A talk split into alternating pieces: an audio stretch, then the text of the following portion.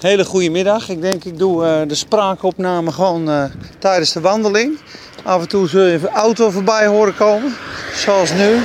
Maar dat mag de pret niet drukken. Uh, we bidden Gods rijke zegen over deze woorden. En uh, het geldt voor mij net zoals voor ons allemaal. Dat we in de leerschool zijn van het gebed. En dit waren een aantal sleutels om te, te bidden, effectiever te leren bidden. We hebben het laatste keer gehad over allerlei soorten vormen van gebed. Eh, dankzegging, lofprijs. Eh, God zoekt ook aanbidders in geest en waarheid. Johannes 4, vers 23 en 24. Want de Heere zoekt al dus zo, uh, zodanigen die hem aanbidden in geest en waarheid. En aanbidden gaat veel verder. Aanbidden is eigenlijk God vrezen, diep ontzag voor hem hebben, hem liefhebben, hem volgen, hem eren. Uh, dat zien we ook in Openbaring, uh, hoofdstuk 22, vers 9. Waar staat er, de inhoud van dit boek is aanbid God. En uh, Openbaring is eigenlijk het kerstje op de slagroom, de neusje van de zalm van de hele Bijbel. De eindconclusie, de voleinding van alle dingen, dat de stad en de bruid samenkomen. En de slotconclusie, eigenlijk kunnen we daarmee zeggen van de hele Bijbel, is aanbid God. Dat was ook het getuigenis van Jezus. In Openbaring 19, vers 10 lezen we: uh, Het getuigenis van Jezus is de geest der profetie.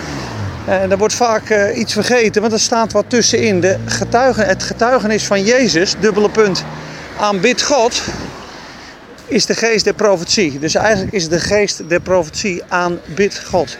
Worship God. Dat was het getuigenis. En dat is ook de geest van profetie. Dus als wij profeteren, uh, moet dat het, uh, het uitgangspunt zijn dat we God aanbidden.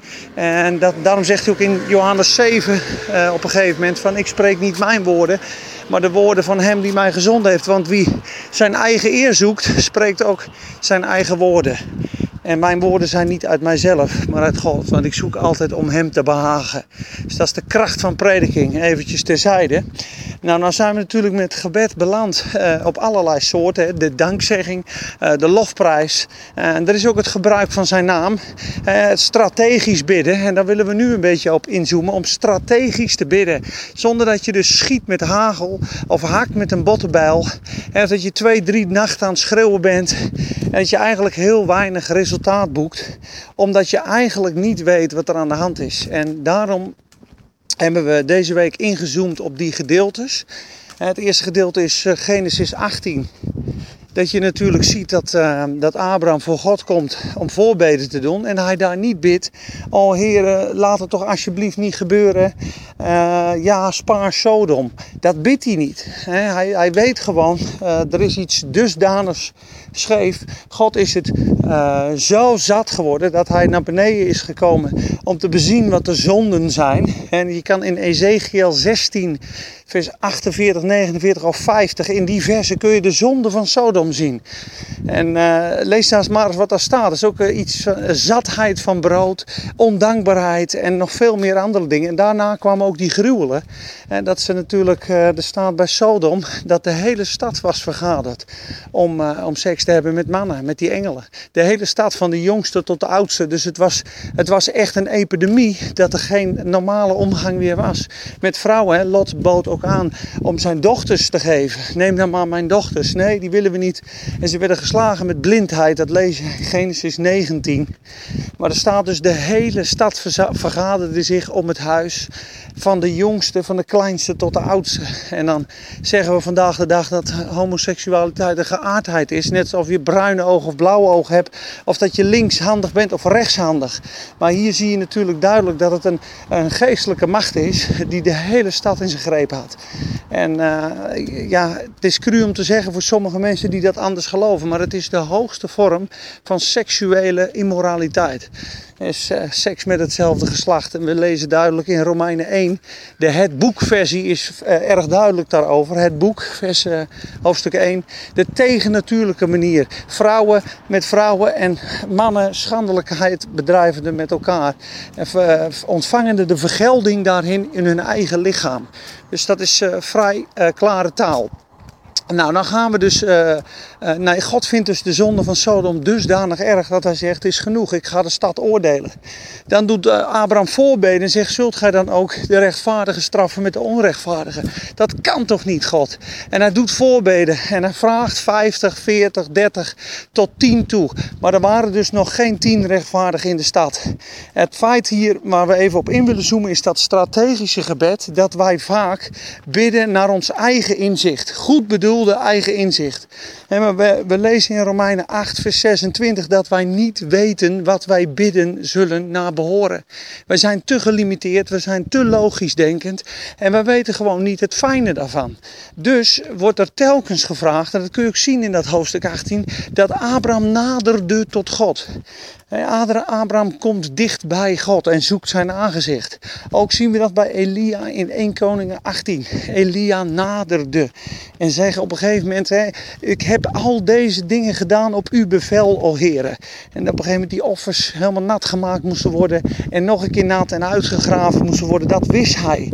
Dat had hij van Gods wegen geleerd.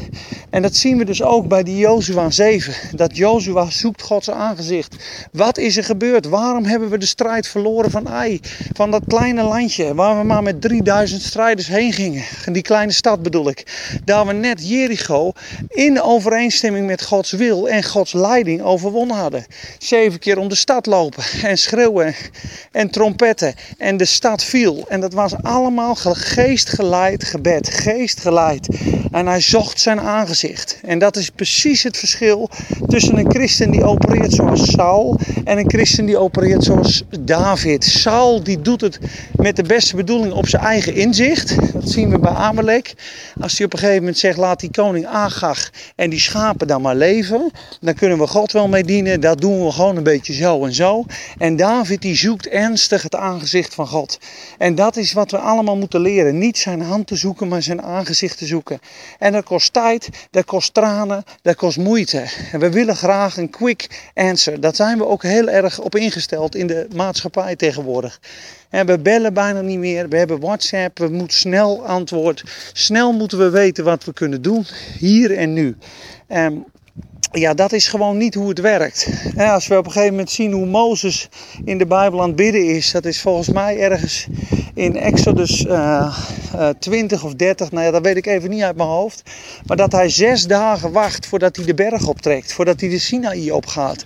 En dan krijgt hij 40 dagen les van de Heer over de tabernakel en over zijn zoon. En waar we dus ook een, eh, en in september, op 10 september, de donderdagen mee gaan beginnen. Onderwijs over de tabernakel, de zoon van God in alle details beschreven. En het plan van God met de gemeente. Uh, dat gaat in het Oostwende plaatsvinden. Om 8 uur s avonds tot 10 uur, eens in de maand. De eerste drie keer is wat, uh, wat sneller. 10 uh, september, 17 september en dan is het 8 oktober, de derde keer. En daarna zal het zijn elke tweede donderdag van de maand. Tweede of derde donderdag van de maand. Maar daar horen jullie nog meer over.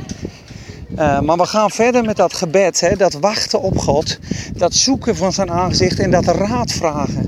Psalm 106 zegt heel mooi in vers 15: God gaf het volk Israël waar ze om vroegen, maar het doch, toch zond hij magerheid aan hun zielen. Hij bevredigde zich niet, hun niet met de vettigheid van zijn eigen tegenwoordigheid. Hij ging niet met hen mee, maar hij gaf wel waar ze om vroegen. dus hij zei goed, wil je het op jouw manier? Prima. En dan staat er daarachter, want zij hadden niet gewacht op de raad van God. En waar we nu dus op focussen in deze stuk is wachten op de raad van God. Span je boog niet te snel. Spreek niet te snel. Bid niet te snel. Eigenlijk komt het hierop neer, en daar maak ik me ook schuldig aan, dat we vaak te snel met onze woorden klaarstaan om te bidden. We spreken zomaar even wat uit naar ons eigen inzicht. Heer, uh, zegen die, of uh, we bidden voor dit, of uh, we, we willen dat u dit doet, terwijl dat niet in lijn is met zijn volmaakte wil. En dat zien we dus in Jozua dat hij op een gegeven moment Gods aangezicht zoekt en hij valt op zijn aangezicht en hij huilt. En God zegt eigenlijk, waarom ben je op je aangezicht? Waarom zit je te huilen? Wat is er aan de hand? Dit is er aan de hand. Aangaan. Er is, er is een, een vloek. Iemand mocht niet van dat goud uh, grijpen. Iemand mocht niet van de buit, buit grijpen van de vijand. Wat ik duidelijk gezegd had in hoofdstuk 6. Kun je dat lezen? En dan, uh, dan, dan zou er een vloek komen over het hele volk. En daardoor verloren ze van Ai. Dus hij gaat alle stammen na en hij vindt Agan. En de zoon van Zabdi volgens mij. En die gaat op een gegeven moment beleidenis doen. En er is een rigoureuze uitbannen van de vloek. Hè, want het is heel heftig hoe het er beschreven staat.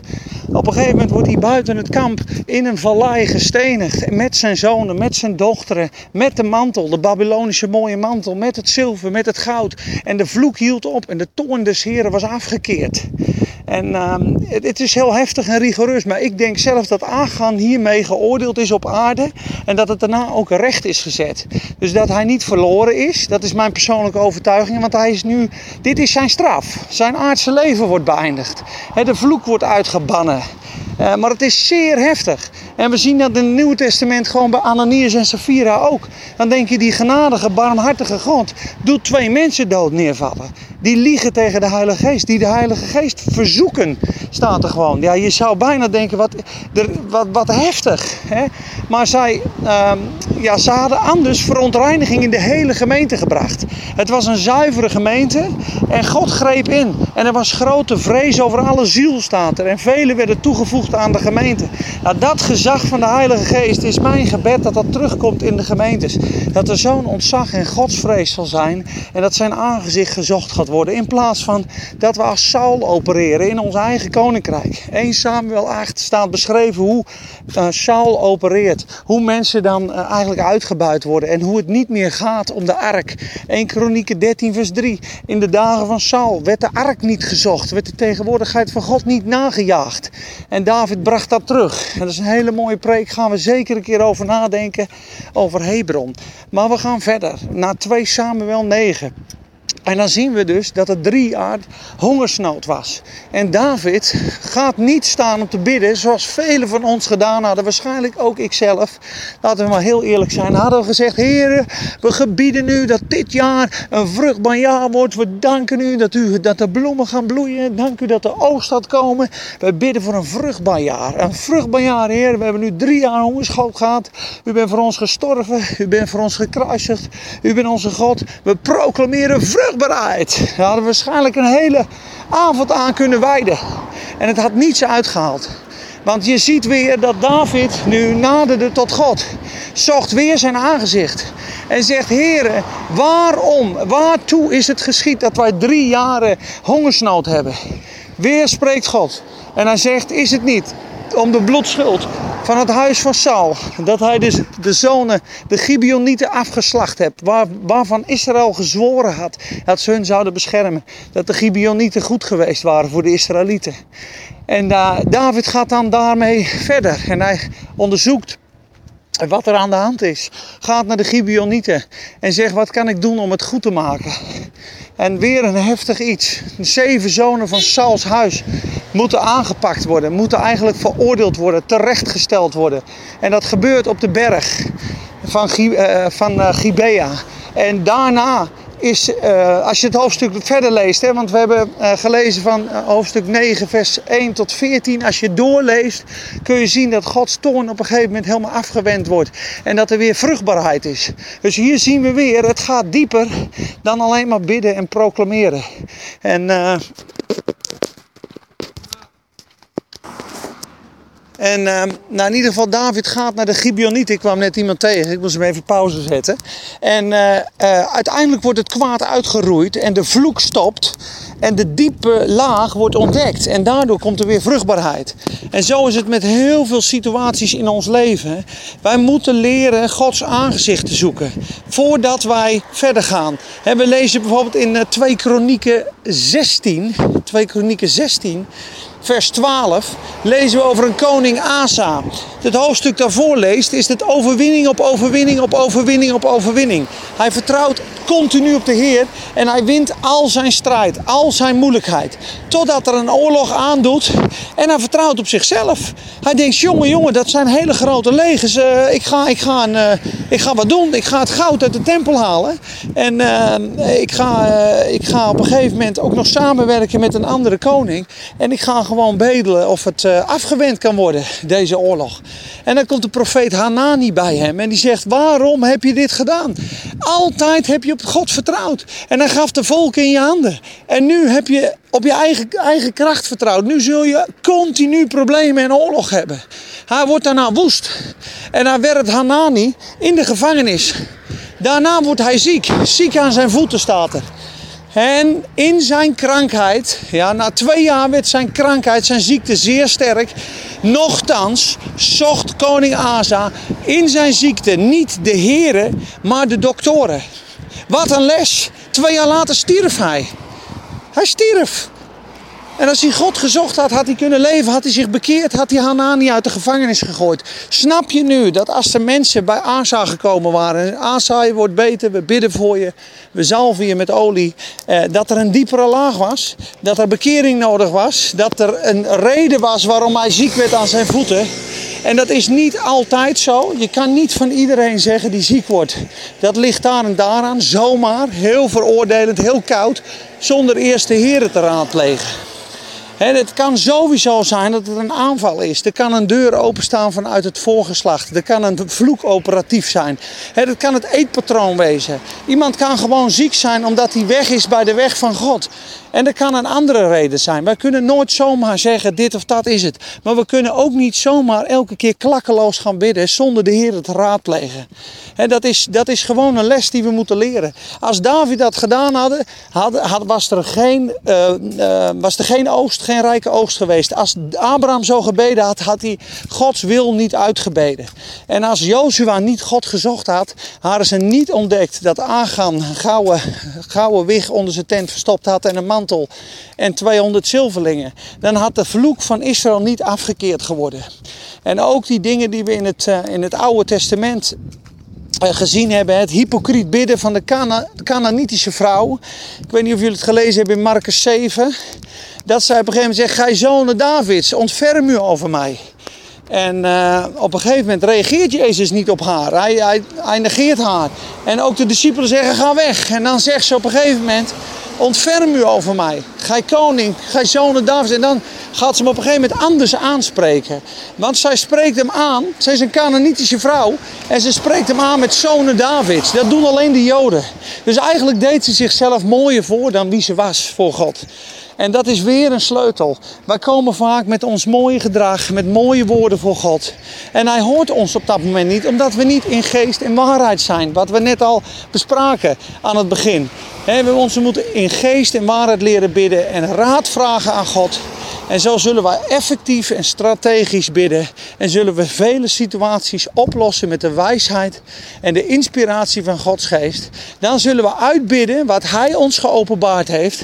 En dan zullen we ook met de zekerheid en het geloof in ons hart dat uitbidden. Want dan weten wij, en dat 1, 1 Johannes 5, zo weten wij dan dat wij de beden van Hem verkregen hebben als die is naar de wil van God. En dat is wat ik, wat ik eh, met deze les wilde aanwijzen. Dat geldt voor ons allemaal. Zoek de Heer, bid niet klakkeloos. Zoek om te bidden met strategie, met uh, openbaring, met wijsheid van de Heer. En, uh, en God zal met ons zijn. Daar danken we u voor, Heer. We prijzen u, Heer, voor dit woord. En we bidden ook, Heer, dat u dit in ons hart uitwerkt. Dat u ons de genade en de moed geeft om tot u te naderen. En ook het geduld, want we willen zo graag snel antwoord. We willen zo graag schieten met hagel. We willen zo graag de dingen oplossen. Heer, maar alleen u bent alwetend. Alleen u, u weet precies wat er aan de hand is. U bent de sleutel. U bent de sleutel die de deur open doet. De sleutel van David. U opent en niemand sluit. U sluit en niemand opent. Heer, en wij zijn dienstknechten van u. Heer, en ik vraag ook vergeving, Heer, voor elk gebed wat we uitgesproken hebben in eigen kracht, in eigen visie, eigenlijk in hoogmoed. Heer, zo en zo zal het geschieden. En de Heer zegt dit en in zijn naam dat. Heer, het is niet uit u en we moeten dat leren. En dat is kinderlijk gedrag en u ziet het ook door de vingers, Heer, als we jeugdig zijn. Heer, maar zodra we wat ouder zijn, Heer, vindt u het kwetsend en beledigend dat we u niet betrekken in uw wijsheid en uw liefde in deze situaties. Heer, dan vraag ik daar ook vergeving voor. Zet ons daar vrij van, Heer. En doe ons naderen voor uw aangezicht. Doe ons naderen in uw voorhoven. Heer, dank u wel dat we u mogen vinden en dat we mogen leren bidden in lijn met uw wil, met uw hartsverlangen en met uw, uh, ja, met uw wijsheid. Zo danken we u daarvoor in Jezus' naam. Amen.